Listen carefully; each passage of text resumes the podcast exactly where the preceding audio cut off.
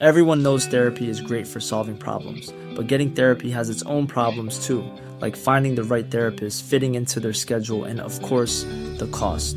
Well, BetterHelp can solve those problems. It's totally online and built around your schedule. It's surprisingly affordable too.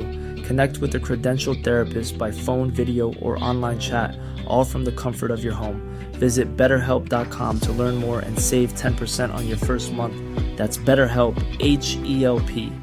A lot can happen in the next three years. Like a chatbot may be your new best friend. But what won't change? Needing health insurance. United Healthcare Tri Term Medical Plans are available for these changing times. Underwritten by Golden Rule Insurance Company, they offer budget friendly, flexible coverage for people who are in between jobs or missed open enrollment. The plans last nearly three years in some states, with access to a nationwide network of doctors and hospitals. So, for whatever tomorrow brings, United Healthcare Tri Term Medical Plans may be for you. Learn more at uh1.com. There's never been a faster or easier way to start your weight loss journey than with PlushCare.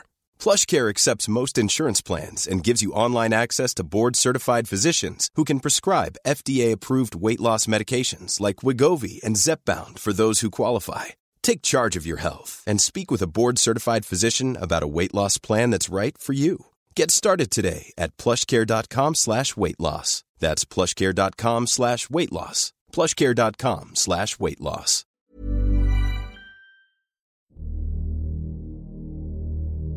Det er julaften, og året er 1931. 300 km nord for polarsirkelen har konstabler fra Royal Canadian Mounted Police, eller RCMP, funnet en mystisk fangstmann som var mistenkt for å ha ødelagt fellene til urbefolkningen, samt drevet med ulovlig jakt. En konstabel banker på døra til den provisoriske tømmerhytta og blir umiddelbart skutt. Jakten fortsetter de neste 49 dagene, men til tross for at RCMP setter i gang den største menneskejakten i historien i Canada, møter de hard motstand fra denne mystiske mannen som bruker både skytevåpen, overlevelsesinstinkter og taktikker mot politiet, i tillegg til at han med tilsynelatende letthet klarer å overleve i et av de tøffeste klimaene på jorda. Hvem var mannen som bare ble kjent som The Mad Trapper of Rat River?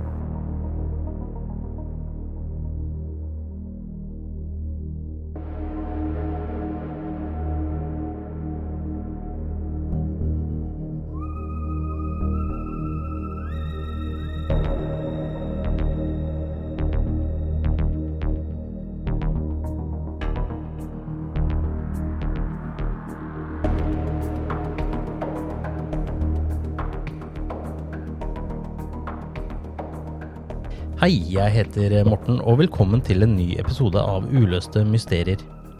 Dette er den første episoden etter at jeg hadde konkurransen der jeg nådde 10 000 nedlastinger, og allerede har dette tallet nesten doblet seg. Jeg vil først gratulere vinnerne av konkurransen. Eh, Eirik Tvilde vant kaffekoppen, Marianne Heggenes vant T-skjorte, og Finn Nilsen vant eh, både kopp og T-skjorte. Premiene er i posten, og jeg håper det faller i smak. Gratulerer. Jeg vil også nevne de som ordnet eh, både T-skjorter og kaffekopper til meg for en rimelig penge. Før jeg starta med podkasting, holdt jeg på med musikk. Det vil si, jeg holder fortsatt på med musikk, men ikke i samme skala som eh, den gang. En ting vi alltid slet med, var å finne trykkerier som kunne lage T-skjorter og andre ting vi ville selge. Som regel var det kun store kvanta som kunne bestilles, og til slutt endte det med nødløsninger hvor resultatet ble så som så. Reklamehuset.no lar eh, vanlige folk eh, som meg bestille annet T-skjorter og kaffekopper i mye mindre kvanta, og de gir meg muligheter til å ha konkurranser og giveaways for denne podden. Kona mi sier at jeg har en tendens til å undersøke ting så innmari nøye. Bare vi skal på en reise et sted, så sjekker jeg omtrent det som sjekkes kan, og det gjorde jeg jo selvsagt også når jeg skulle bestille ting til uløste mysterier. Man kan være frista til å bruke sider som eksempel Spreadshirt og noe som er et godt alternativ, men jeg fant ut at prismessig var reklamehuset.no vel så bra. Så tusen takk til dem for god service, masse god hjelp, litt sponsing og rask levering. Denne episoden er et eh, tips som jeg fikk av Eirik Tvilde, og jeg hadde aldri hørt om The Mad Trapper før. Da jeg begynte å lese om saken, ble jeg med ett sugd inn i historien om denne mystiske personen som gjorde helt enestående bragder, men som også var en iskald drapsmann. Det ble et langt og dypt kaninhull som har tatt meg gjennom den iskalde villmarken i Canada, skyttergravene i Somme under første verdenskrig, eh, Midtvesten i USA og det sentrale Sverige på jakten etter hvem The Mad Trapper var. I tillegg til gamle kirkebøker fra 1800-1900-tallet har jeg gått gjennom mer kildemateriale enn jeg har gjort i noen annen sak jeg har researcha, og selv om jeg egentlig ikke har noe godt svar, så har jeg blitt veldig fascinert av både historien og hovedpersonen selv. Jeg håper dere vil like denne episoden om The Mad Trapper of Rat River. Den 9. juli 1931 kommer det en mann på en selvbygd flåte ned Peel River til Fort McPherson. RCMP-konstabelen Edgar Millen tok en prat med denne mannen, men utenom at han så barbert ut, pengesterk og hadde en skandinavisk aksent, fikk Millen et eh, lite annet informasjon og et lite annet inntrykk av han. Han fortalte riktignok at han het Albert Johnson, men noen flere detaljer om seg selv ønsket han på ingen måte å dele. Albert dro etter hvert videre på flåten sin til Mackenzie River-deltaet, hvor han bygde en liten hytte på 2,4 ganger 3 meter ved bredden av Rat River.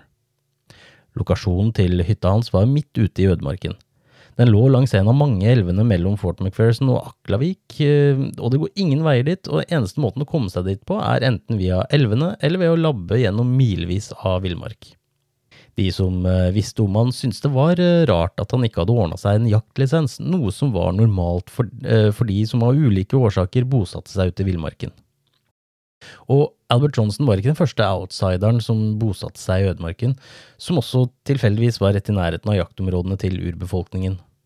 På grunn av The Great Depression, som varte fra 1929 til 1939, var det mange som flyktet fra det livet de en gang hadde for å leve fra hånd til munn i naturen.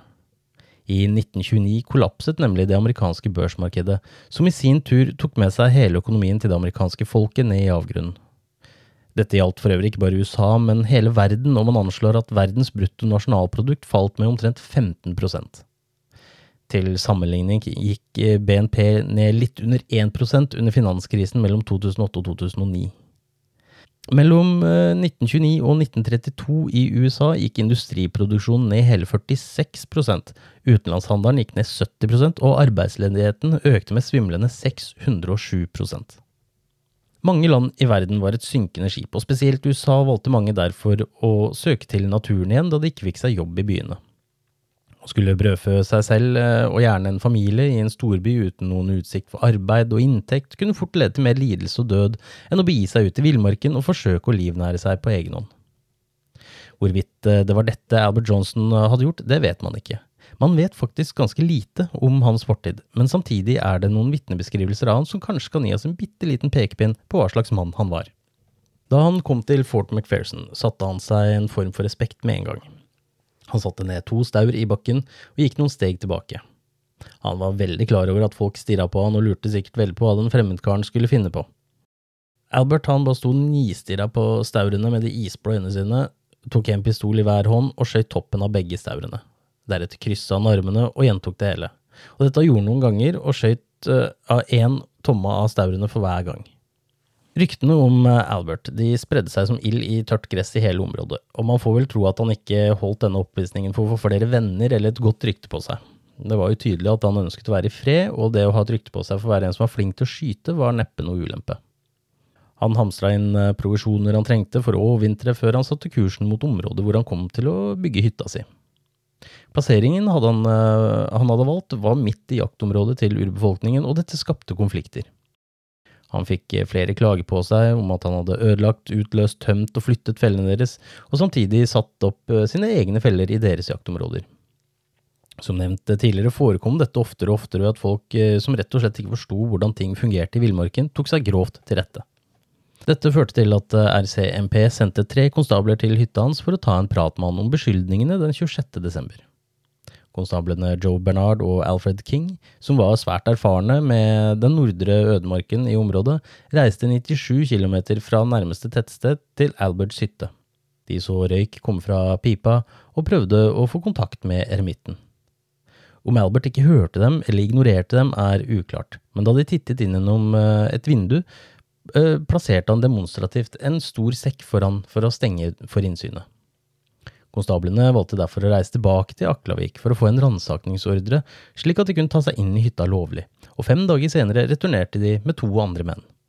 Albert nektet eh, derimot fremdeles å prate med dem. King gikk derfor frem til døra og forsøkte å tvinge, tvinge den opp, men som svar så sendte Albert en kule gjennom døra som traff King i brystet. Konstabelen ble såret, men overlevde utrolig nok skuddskaden, og nå hadde han nå hadde en enkel klage som kunne blitt løst med dialog, gått over til en alvorlig kriminell handling. En kort skudd, uh, skuddveksling uh, fulgte, men mennene valgte å trekke seg unna med den sårede King fremfor å forsøke å få Albert ut av hytta si. Nå begynte RCMP å få nok. De samlet sammen en gjeng på ni mann, 42 hunder, 9 kilo dynamitt, og ble ledet av inspektør i RCMP, Alexander Eames. Og sammen eh, med han var konstablene Millen og McDowell, Bernard Sitishinli, Knut Lang, Ernest Sutherland og Carl Garland, samt en guide fra urbefolkningen Charlie Ratt. RCMP beleiret Albert, men de visste ikke at Albert hadde bygd hytta si med doble tømmervegger og skytteskår i alle retninger. Til slutt så prøvde de å sprenge hytta med dynamitt, men fordi hytta var bygd svært solid, gjorde sprengstoffet knapt noe skade. Til slutt kastet de en bunt med dynamittkubber opp på taket til hytta, som kollapset av eksplosjonen. Som et sært mirakel så overlevde Albert eksplosjonen, og da mennene stormet hytta, ble de beskutt av Albert, som hadde gravd et hull inni bakken i hytta, og forsterket med tak, omtrent som en skyttergrav. Til tross for at Albert var en fantastisk skytter, ble ingen truffet, og etter 15 timers lang fastlåst konfrontasjon i minus 40 grader valgte mennene igjen å trekke seg tilbake til Aklavik for å få mer hjelp. På grunn av de ekstremt lave temperaturene hadde mennene og hundene spist unna det meste av provianter, klærne stivnet og klistret seg til kroppene deres, og de merket at de ble svakere for hver time som gikk. Rapportene fra RCMP sier riktignok at de knapt skadet hytta, men at den ble ødelagt i ettertid for at, de, for at han ikke skulle returnere til den. Hvorvidt eh, det er dette som stemmer, eller om den kollapset av eksplosjonen, er noe usikkert, men det kan være lett å forestille seg at eh, RCMP kanskje pynta noe på rapporten for ikke virke fullstendig inkompetente. Jeg legger ut eh, bilde av hytta, så kan jo dere avgjøre selv hva dere tror. På dette tidspunktet hadde nyhetene om den, den gale fangstmannen midt i ødemarken, som hadde både nedkjempet og unnsluppet RCMP, nådd nyhetene via radio. De kunne rett og slett ikke la han unnslippe nå og måtte ta opp jakten i et av verdens mest ugjestmilde og ufremkommelige områder, men på grunn av en snøstorm kom de seg ikke frem til hytta før 14. januar. Da hadde Albert for lengst forsvunnet ut i den arktiske villmarken, og den største menneskejakten i Canada, Canadas historie var i gang. For å spore han rekrutterte RCMP lokale fra urbefolkningen, som hadde mye bredere erfaring med å både spore og bevege seg i det ugjestmilde landskapet. Området de jaktet på Albert i, besto av dype daler og høye topper, buskas og skog som ga mulighet for mange gjemmesteder. I tillegg brukte Albert taktikker som gjorde søket etter han vanskelig.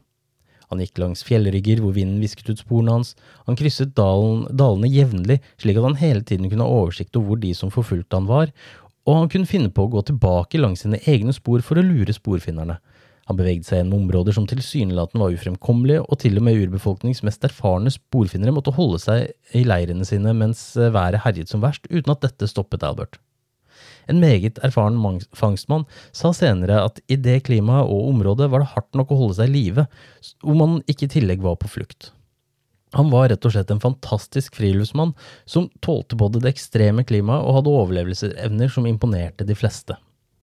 Media bet seg merke til jakten på denne mystiske personen, og blant befolkningen var det en viss sympati mot mannen som alene sto mot myndighetene. En journalist døpte han for The Mad Trapper, men Eames påpekte at dette aldeles ikke var en forstyrret fangstmann, men en klok og besluttsom mann med en tøff og desperat karakter. Den 30. januar kom et av lagene, ledet av konstabel Edgar Millen, over en plass hvor Albert hadde slått leir. Han hadde beleiret seg bak en provisorisk barrikade, og Millen avgjorde at de skulle observere fangstmannen på avstand for å ikke risikere livene til noen i laget. En av sivilistene som var med, en mann ved navn Garland, så at Albert eh, tittet opp over barrikaden og benyttet dermed sjansen til å avfyre et skudd. Albert falt bakover og ble liggende tilsynelatende dødelig såret. Mennene tok ingen sjanser og ventet i to timer før de rykket frem mot barrikaden med antagelse om at Albert nå måtte være død men den gale fangstmannen var langt ifra død eller såret. Da laget var nærme nok, spratt han opp, skjøt et skudd mot Millen som falt i bakken.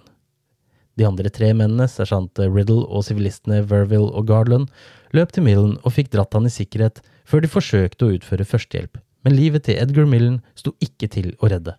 Han hadde blitt truffet midt i hjertet. Til tross for at de tre gjenlevende mennene voktet området, klarte Albert nok en gang å unnslippe i ly av nattens mulm og mørke ved å klatre opp en så å si vertikal fjellvegg, dekket av is, for så å flykte opp i fjellet. De fant ut at han bevegde seg vestover mot Jokun og Alaska, og i den retningen han dro, var det kun to fjelloverganger over Richardsons Mountains som RCMP blokkerte. Men Albert Johnson var en beinhard og tøff jævel. I stedet for å benytte seg av disse fjellovergangene, så gikk han like så godt over fjellene som ruvet over 2000 meter og forsvant nok en gang. Medlemmer fra jaktlaget fortalte senere i intervjuer at ingen hadde noensinne besteget disse fjellene, ikke engang urbefolkningen, og ingen hadde antageligvis gjort det senere i, i senere tid. Mange har prøvd å klatre disse fjellene med moderne utstyr, moderne klær og moderne hjelpemidler, men ingen har til dags dato klart å gjøre det The Mad Trapper gjorde. At Albert eh, klarte det, imponerte dem og ga dem en viss form for respekt og ærefrykt for han, men han, det endret ikke det faktum at Albert Johnson, som tross alt var, nå var en iskald drapsmann, måtte stoppes. Siden de ikke klarte å spore han over fjellene, leide RCMP inn fly, et flygress fra første verdenskrig, Wilfred Reed Wop May. Wop May var en eh, pilot for de allierte som eh, ble jaget av Manfred von Richthofen i luften over vestfronten. Von Richthofen er bedre kjent som Den røde baron og var kommandant for eh, skvadronen Jasta 11 og senere den mer berømte Jagdgeschwader 1, bedre kjent som The Flying Circus. Både fordi de malte flyene sine i fargerike mønstre, og fordi skvadronen ble flyttet rundt på vestfronten dit hvor behovet var størst for å sikre en seier i luften. Von Richthoffens Fokker DR i trippeldekker var malt i en skarp rødfarge, noe som skapte en umiddelbar flykt hos allierte piloter da de så sirkuset komme til byen, eller rettere sagt til luftens slagmark. Von Richthofen ble kjent som flygeresset over alle flygeress, og hadde skutt ned minst 80 allierte fly mellom 1915 og 1918, før han selv ble skutt ned den 21. april 1918 over Molancourt i Somme. Wop May hadde nettopp angrepet fetteren til den røde baron, Wolfram von Richthofen, og dette gjorde at Manfred satte inn alt han hadde for å jakte på og skyte ned May. May fløy lavt i sin Soppit Camel dobbeltdekker og satte kursen mot allierte skyttergraver, hvor soldatene ivrig fulgte med luftkampen som foregikk over hodene deres. Kommandanten til May forsøkte å stupe ned fra skyene for å skyte eh, von Richthofen ovenfra, men den røde baron unngikk dette angrepet lett og fortsatte å henge på May.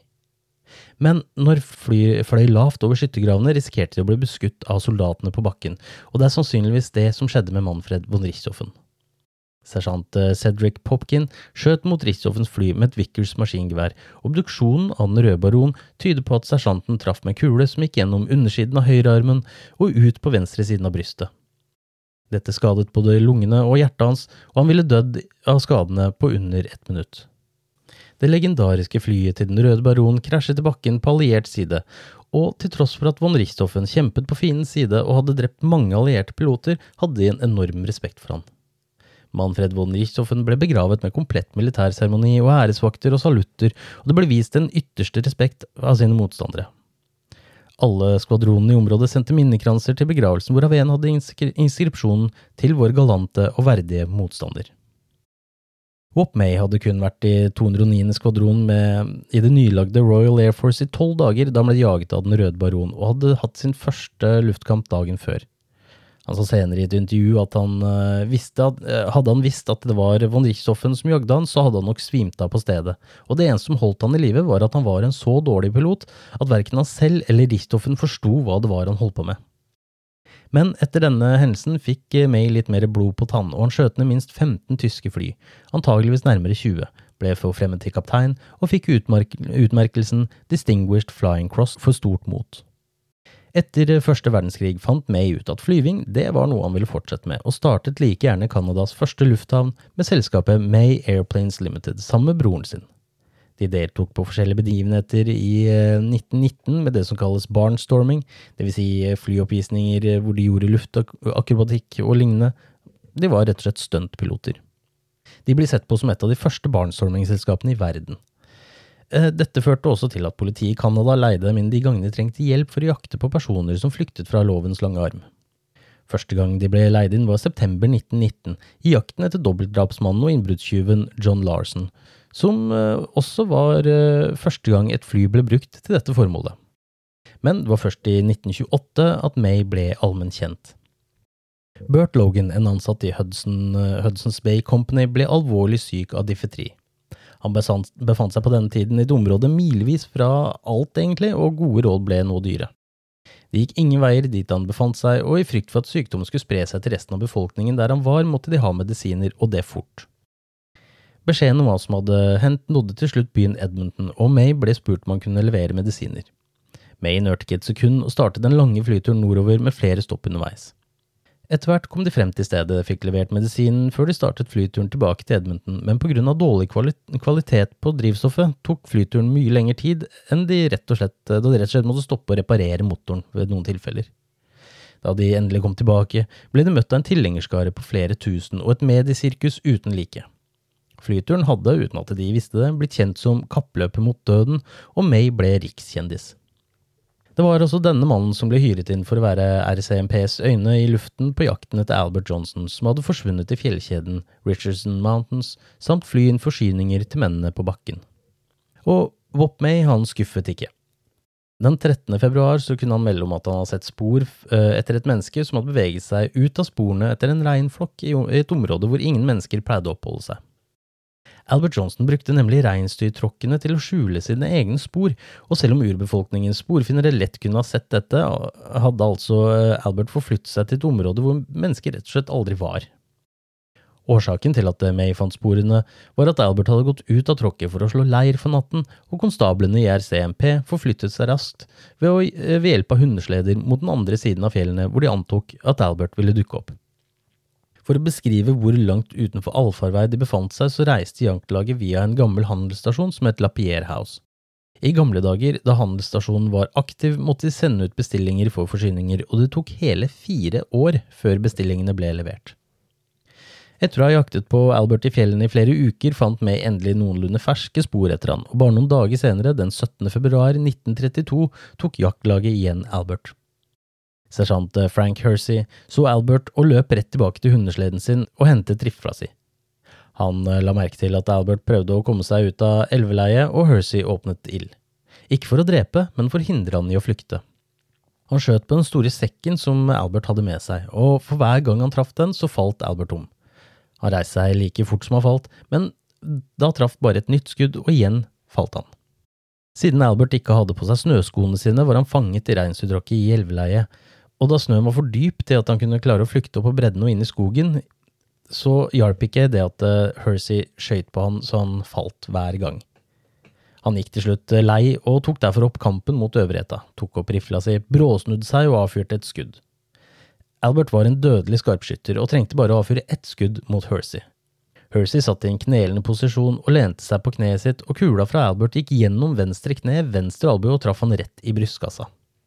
Men samtidig som Albert og Hersey hadde skuddvekslingen, hadde resten av mennene delt seg i to grupper og avansert på hver sin side av elvebredden, slik at de kunne flankere Albert.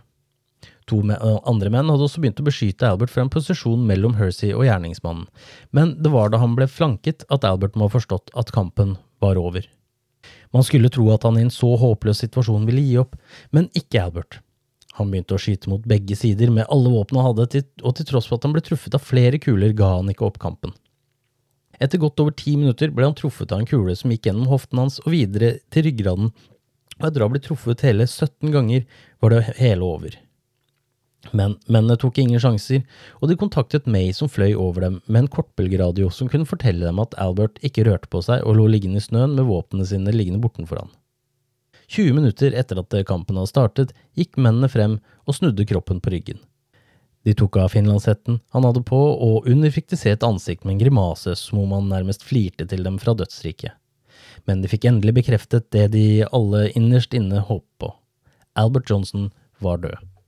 Mannskapet pusta letta ut. De hadde endelig klart å fange rømlingen. Død riktignok, men fanget. May, som hadde flydd over kampsonen og tatt noen spektakulære bilder, landet og fikk evakuert Hersey til nærmeste by. I mellomtiden undersøkte resten av mennene liket til eh, Albert, og rundt halsen hans hang det en boks med Magic Baking Powder, omtrent eh, som de plastrørene som man bruker når man bader.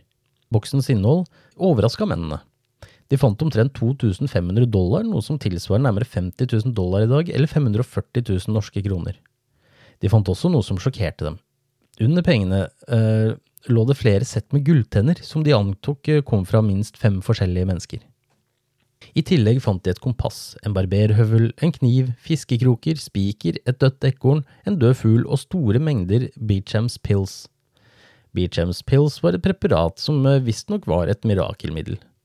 Disse pillene kunne løsne galle, sette i gang leveren, kurere hodepine, kvinnelige lidelser, fjerne sykdom like greit og bidra til en generelt bedre helse. Pillene var for øvrig laget av en kombinasjon av aloe vera, ingefær og såpe. Nå skal det også sies at disse pillene faktisk hjalp for fordøyelse og hodepine og andre smerter, og de ble produsert helt frem til 1998. RCMP hadde endelig fanget eh, mannen som hadde skutt tre politibetjenter, drept en av dem og hardt såret to andre, samt antageligvis drept fem andre mennesker. Men hvem var han egentlig? Forutenom Millen, som hadde avhørt Johnson i Fort McPherson, hadde ingen som jaktet på han siden uh, hørte han si et eneste ord.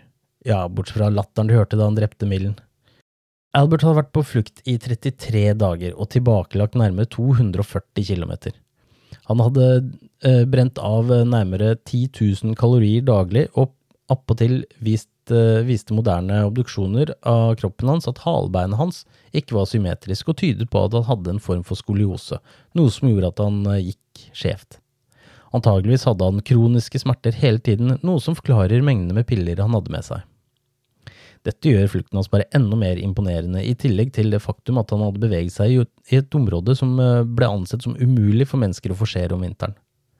Albert hadde appåtil gjort dette i snøstormer og kun levd på de små dyrene han hadde klart å fange med provisoriske feller, da et rifleskudd ville bli hørt av mennene som jaktet på han. RCMP sendte bilder av den avdøde Albert rundt i både Canada og USA uten å få noe svar på hans egentlige identitet, om hvem Albert Johnson faktisk var. I eh, tillegg til bildene hadde de også bilder av våpnene han hadde brukt. En eh, rifle av merket Sav uh, Savage modell 99, en uh, 30-30 kaliber Winchester med en slags spak under avtrekkeren som han drar ned for å lade våpenet, en avsagd Iver Johnson 16 kaliber hagle og en avsagd Winchester modell 58 22 kaliber long rifle. På 30-tallet ble undersøkelser fokusert rundt et forholdsvis mystisk og lyssky individ ved navn Arthur Nelson.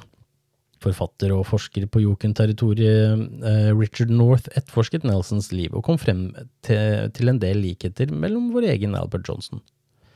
Nelson hadde tilsynelatende reist fra Dease Lake i British Columbia på vestkysten av Canada til Jokun i perioden mellom 1927 og 1931. Vitner North snakket eh, med, kunne fortelle at Nelson hadde like type våpen som Albert. Ikke at dette var på noen måte noe sjeldne eller uvanlig våpen den gang, men at de var avsagde på tilnærmet lik måte, var slående likt. En av de eldre i eh, Cascadena-stammen, Art John senior, og andre som kjente han som Mickey Nelson, husker han som en fangstmann og en som lette etter gull og andre verdifulle mineraler i Ross River-regionen i det vestlige sentral-Jokun. North eh, sin teori baser, baserte seg på at Albert Johnson var Arthur Nelson, og også en annen seriekriminell fra North Dakota ved navn Johnny Johnson. Johnny Johnson hadde sittet i fengsel i St. Quentin og Folsom, og den fysiske beskrivelsen av Johnny er godt dokumentert og slående lik Albert Johnson. North sporet eh, Johnny videre til eh, Bardu i Norge, hvor han ble født Johan Konrad Johnsen i 1898. Eh, jeg tok et aldri så lite dypdykk i slektshistorien til godeste Johnny, og fant ut, at, uh, fant ut, av noe som kan være relevant mot slutten av denne episoden. Uh, det ble et dypdykk som tok mye mer tid enn jeg forventet, men jeg synes fremdeles det er interessant, særlig når jeg skal fortelle om teorier om opphavet til Albert Johnson senere. Johan Konrad Johnsen ble født i 1898 i Bardu av foreldrene Anders Gustav Jonsson og Petra Fredrikke Johansdatter. Anders Gustav var født i Sverige i enten 1847 eller 1853, og det ble oppgitt eh, to forskjellige årstall ved to forskjellige folketellinger, men stillingen eh, han hadde fått oppgitt i Minestralboken for Målselv eh, prestegjeld i Bardu sogn mellom eh, 1890 og 1902, var at han var ungkar og gård, gårdsbruker, og appåtil svensk. I folketellingen mellom 1900 og 1922 Eh, så hadde han derimot fått yrket jordarbeider, rydningsmann og forpakter. Han var ifølge kirkebøkene født i Flen i Södermannslen i Sverige og konfirmert i 1862. Han giftet seg med Petra samme år som Johan Konrad ble født, i 1898. Petra var i begge folketellingene oppgitt med fødselsdato 1862. Eh, I den første folketellingen var jo riktignok yrket hennes pike, eh, men i den andre sto det mer, nok mer korrekt opplyst om at hun var gårdbruk, gårdsbrukerkone, husgjerning eller husmor, og takk til Torgrim Sørnes fra Henrettelsespodden for den forklaringen, og hadde ansvar for kreaturstell, altså dyrehold. Hadde tre barn, Helga, som ble født i 1893, Signy, som ble født i 1895, og til slutt Johan Konrad, som, nevnt, eh, som nevnt tidligere ble født i 1898. Utover dette var det særs lite informasjon å finne om Johan Konrad, og det kan selvsagt være fordi han emigrerte til USA, men som regel er det også å finne et sted. Slektning av Jonny Jonsson, Ole Getz, kunne fortelle at moren hans hadde fortalt at Jonny var beinhard allerede som guttunge. Hun var sikker på at Jonny var The Mad Trapper, men detaljene om hvorfor hun mente dette, delte hun aldri før hun selv døde. Jeg valgte å ikke bruke så veldig mye mer tid på dette enn det jeg allerede har gjort, da jeg sikkert kunne brukt enda flere timer på å granske slektsledd etter slektsledd, men det er som sagt noen interessante detaljer her som kan være greit å huske på når vi nærmer oss slutten. Tilbake til 30-tallet og etterforskningen så antok de at Albert Johnson ikke var John Johnson eh, rett og slett fordi Albert hadde gjort en del dyrt arbeid med tennene sine. Blant annet hadde han uh, gullfyllinger, noe de mente at en kriminell som Johnny ikke kunne hatt råd til. En annen familie bosatt i Pictou i Nova Scotia mente i lang tid at Albert Johnson var deres slektning ved navn Owen Albert Johnston, som hadde forlatt uh, Pictou i begynnelsen av den store depresjonen for å finne arbeid i USA. Det siste brevet familien mottok fra Owen, var postsatt i Revelstoke i British Columbia tidlig i 1931, og de hørte aldri mer fra han. Ifølge et intervju i 2009 holdt familien på å få DNA-et sitt eh, testet opp mot DNA til Albert Johnson, men mer informasjon om det, det fant jeg ikke. I 1927 bodde den 32 år gamle, selvforsynte nordmannen Sigvald Pedersen Horshall på Digby Island på nordkysten av British Columbia. Han hadde bygd seg en hytte som minnet eh, mer om en festning, og var skråsikker på at myndighetene var ute etter å ta han fordi han hadde unngått å bli vervet i første verdenskrig. Han forsvant eh, sporløst, og mange mener at han rømte fra Digby Island, dro nordover og ble Albert Johnson. Det finnes ingen håndfaste bevis for dette, kun indisier om at alder stemte, at han var en skandinaver, og at han hadde en paranoia og fiendtlighet mot myndighetene, samt at han var en eremitt. I 2007 samlet Myth Merchant Films sammen et lag av rettsmedisinere og forskere og fikk tillatelse til å grave opp graven til Albert i Aklavik. De visste ikke nøyaktig hvor han lå begravet, og måtte bruke georadar for å lokalisere det de antok var graven hans. Deretter måtte de grave i mange timer i den frosne bakken for å få tilgang til kisten. De gravde først med spader og hakker, men måtte slutt ty til bruk av gravemaskin. Men Albert Johnson virket å være trassig selv i døden, og til og med gravemaskinen går i stykker. Etter 18 timer graving fikk de til slutt hjelp av det nyankomne teamet med rettsmedisinere som ikke bare var dyktige til å undersøke lik, men også finne dem og etter enda tre timers graving fant de endelig spor etter en kiste. Men var dette kisten til Albert Johnson? For å finne ut om det var rett person, måtte de finne hodeskallen, slik at eh, de kunne sammenligne kjeven og tennene med de beskrivelsene som ble gjort i obduksjonsrapportene før Albert ble gravlagt. De fant ut at permafrosten i Aklavik hadde bevart kroppen hans så godt at de fant både fingernegler og kroppsår i tillegg til et godt bevart skjelett. Ut fra eh, hva de umiddelbart kunne se fra hodeskallen som de nå hadde funnet, var de mer eller mindre 100% sikre på at dette var Albert Johnson. De utførte deretter en moderne rettsmedisinsk undersøkelse av levningen hans, og dette kan ses i sin helhet uh, på blant annet YouTube i dokumentarfilmen The Hunt for the Mad Trapper. Jeg skal riktignok fortelle en del av detaljene fra dokumentaren, men jeg legger også ut en link til den hvis noen ønsker å se den. Tennene til Albert hadde fått en god del behandling, behandlinger hos tannlege mens han var i live. Han hadde både fyllinger og broer i gull, noe som kan tyde på at han en gang var en velstående mann. Slikt arbeid var kostbart også på den tiden, og ikke noe hvem som helst ville hatt råd til. Disse hadde blitt gjort på 20-tallet og var noe av det beste man kunne få gjort i verden. De fant også fire fullstendig bevarte fingernegler, som noe som anses å være veldig sjeldent. Disse neglene ville kunne fortelle mye om de syv siste månedene av livet til Albert, noe som tilfeldigvis tilsvarer tiden fra han ankom eh, Fort McPherson til han døde. De kunne også fastslå at eh, Albert var eh, i hvert fall 30 år, antageligvis mellom 32 og 40. De fant også skader på høyre femur som tyder på at noe i sekken hans hadde eksplodert og skadet han i låret på en slik måte at han ikke kunne flykte. Dette skjedde etter all sannsynlighet eh, i den siste skuddvekslingen mellom Albert og RCMP da sersjant Hersey skøyt etter han for å stoppe han. De fant eh, flere skader på skjelettet som tyder på at eh, Albert ble skutt flere ganger, akkurat slik som mennene som deltok i skuddvekslingen hadde forklart i sine vitnesbyrd. Alle disse skadene fortalte rettsmedisineren at historien som ble fortalt med hans endelikt, stemte. Da de undersøkte hoftebeinet til eh, Albert, klarte endelig å finne den dødbringende skuddskaden, som til slutt stoppet The Mad Trapper. Konstabel eh, John Moses prøvde å komme seg bak Albert i skuddvekslingen mens han ble skutt etter. Etter å ha nesten blitt truffet flere ganger, kom han seg endelig på skuddhold og fikk avført ett skudd. Kula traff Albert i skinka og gikk videre gjennom hoften og nedre del av mageregionen og ut, ut omtrent rett under høyre nyre. Ifølge rettsmedisinerne ville dette være et dødbringende skudd. De tok en del av lårbeinet samt fire–fem tenner og neglene for å trekke ut DNA-prøver før levningene til Albert Johnson ble lagt tilbake i en ny kiste og endelig gravlagt for godt med full seremoni gjennomført av både presten i Aklavik og den lokale urbefolkningen. Prøvene fra neglene hans viste at han hadde et veldig lavt proteinnivå, han hadde slitt med å få i seg nok næring, noe som kan støtte anklagene mot eh, han om at han hadde stjålet dyr fra eh, fellene til urbefolkningen. De fant også ut at han eh, hadde levd i Canada de siste syv månedene av livet sitt, men ikke før det. Med andre ord, fra tidspunktet hvor han ankom Fort McPherson. Men hvor levde han før dette? Isotoper eh, tydet på at han eh, i alle fall i ungdomsårene og sitt voksne liv levde i maisbeltet i eh, Midtvesten i USA. Før jakten på The Mad Trapper begynte, hadde de funnet flere drepte mennesker i det arktiske området rundt Aklavik og Fort McPherson. Man antok eh, ganske fort at eh, disse var drept av Albert, og at gulltennene de fant på han tilhørte ofrene hans. Men siden han ikke bodde i Canada før de siste syv månedene av livet sitt, er det mer som tyder på at disse var hans egne. Selv om han hadde hatt eh, omfattende og dyrt arbeid gjort på tennene sine, virket det som om han ikke tok spesielt godt vare på dem, og det er sannsynlig at han beholdt tennene som falt ut rett og slett på grunn av gullet i dem. Som nevnt eh, tidligere var tannlegearbeidet som han hadde fått gjort eh, veldig godt utført, og tyder på at han bodde i en storby som for eksempel New York eller Chicago og var en velstående mann.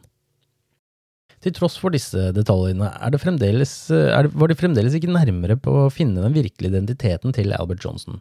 Iallfall ikke før DNA-prøvene var klare, og heldigvis klarte de å trekke ut det 75 år gamle DNA-et og få en 100% fullstendig profil. DNA-profilen den kunne da utelukke at Johnny Johnson var The Mad Trapper, selv om Johnnys eneste gjenlevende slektning er nokså fjern fra ham på slektstreet. Heller ingen av de nærmere 20 andre familiene som hadde sterke indisier på at de kunne være slekt med han, matchet profilen. I 2017 undersøkte de DNA-et på nytt, men måtte vente helt til 2021 for at nye metoder ble utviklet slik at de kunne få et grundigere resultat. Gjennom familiært DNA kunne de endelig koble Albert Johnson til slektninger i Sverige. Gustaf Magnusson ble født i 1776 og var gift med Britta Svensdotter, som ble født i 1781. Disse var enten forfedrene til Albert, eller så var de i nær slekt med forfedrene hans. Genetisk treff viste at eh, slekten hans kom fra de svenske byene Honger, Kovsjø og Kulltorp, men hittil har de ikke fått eh, noen faktiske familiære treff hos nålevende slektninger. Jeg nevnte også at eh, Johan Konrad Johnsen kunne være Albert Johnson, dette til tross for at DNA-prøvene utelukket Johnny Johnson. Men hva om Johan Konrad ikke var Johnny i det hele tatt? En tidligere rettsmedisiner hos RCMP og forfatter Gary Rogers fortalte at i en av hans andre prøver av Alberts DNA hadde kommet en over en ny kandidat på morssiden, og at denne personen, som antageligvis var bestemoren hans, var norsk. Kan det være at eh, Johan Konrad, som hadde en svensk far og norsk mor, var Albert Johnson? Det er også tatt eh, prøver av slektningene til nordmannen Karl Carl Johan Stamnesfett.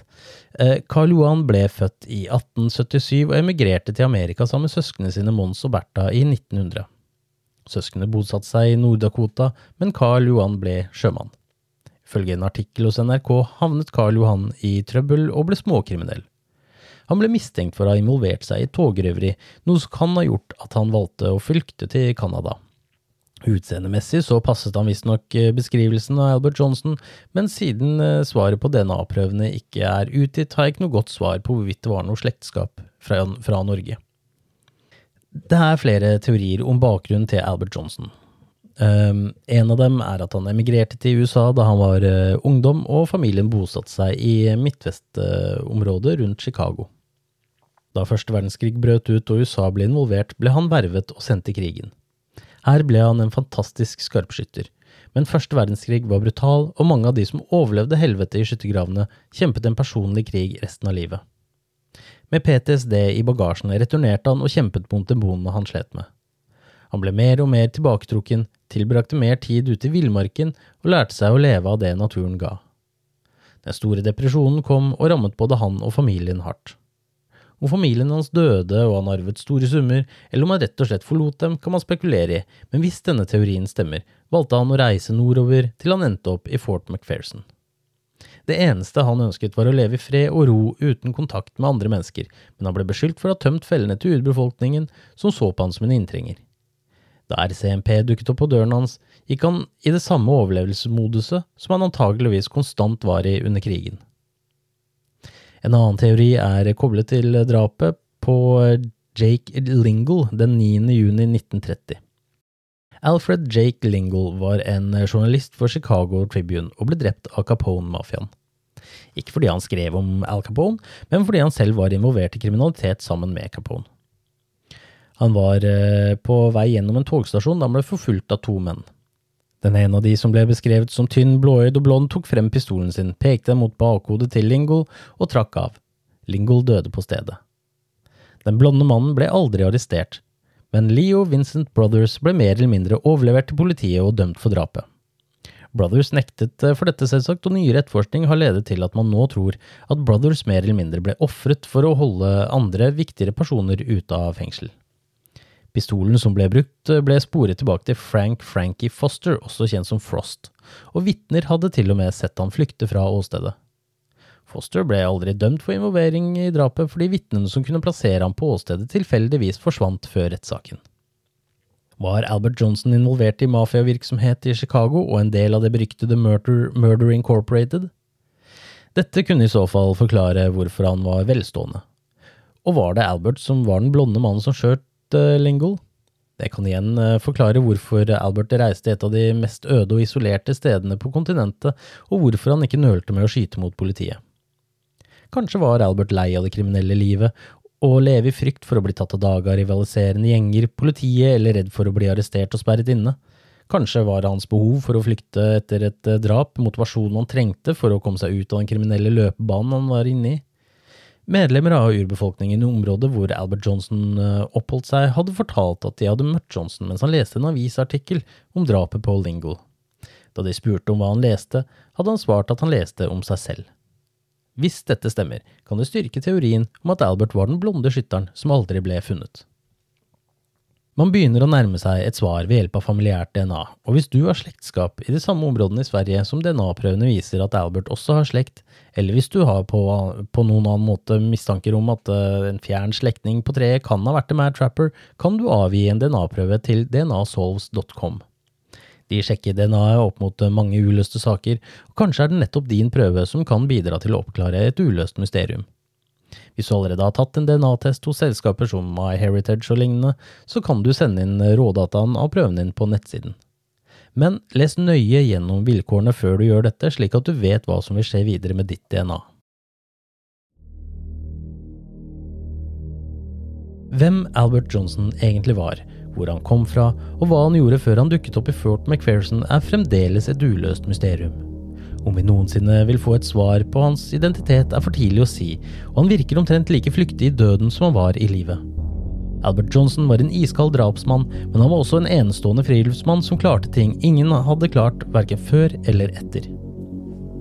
Fascinasjonen rundt myten om The Mad Trapper har vart i over 90 år, og kommer nok til å vare i mange år til, uavhengig av om vi en gang får et svar på mysteriet rundt Albert Johnsons sanne identitet.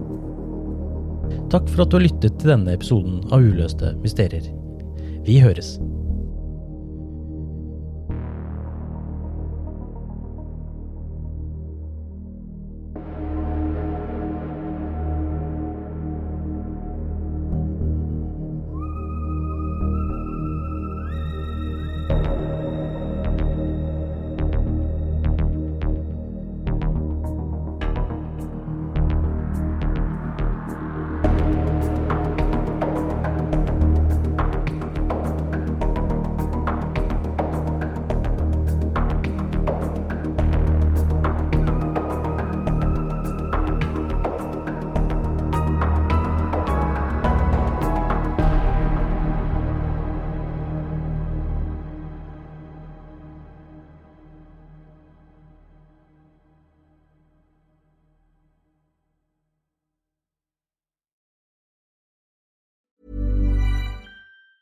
Hi, I'm Daniel, founder of Pretty Litter. Did you know cats tend to hide symptoms of sickness and pain? I learned this the hard way after losing my cat, Gingy. So I created Pretty Litter, a health monitoring litter that helps detect early signs of illness by changing colors, saving you money and potentially your cat's life. Pretty Litter is veterinarian developed, and it's the easiest way to keep tabs on your fur baby's health right at home. Go to prettylitter.com and use code ACAST for 20% off your first order and a free cat toy. Terms and conditions apply. See site for details. Even when we're on a budget, we still deserve nice things.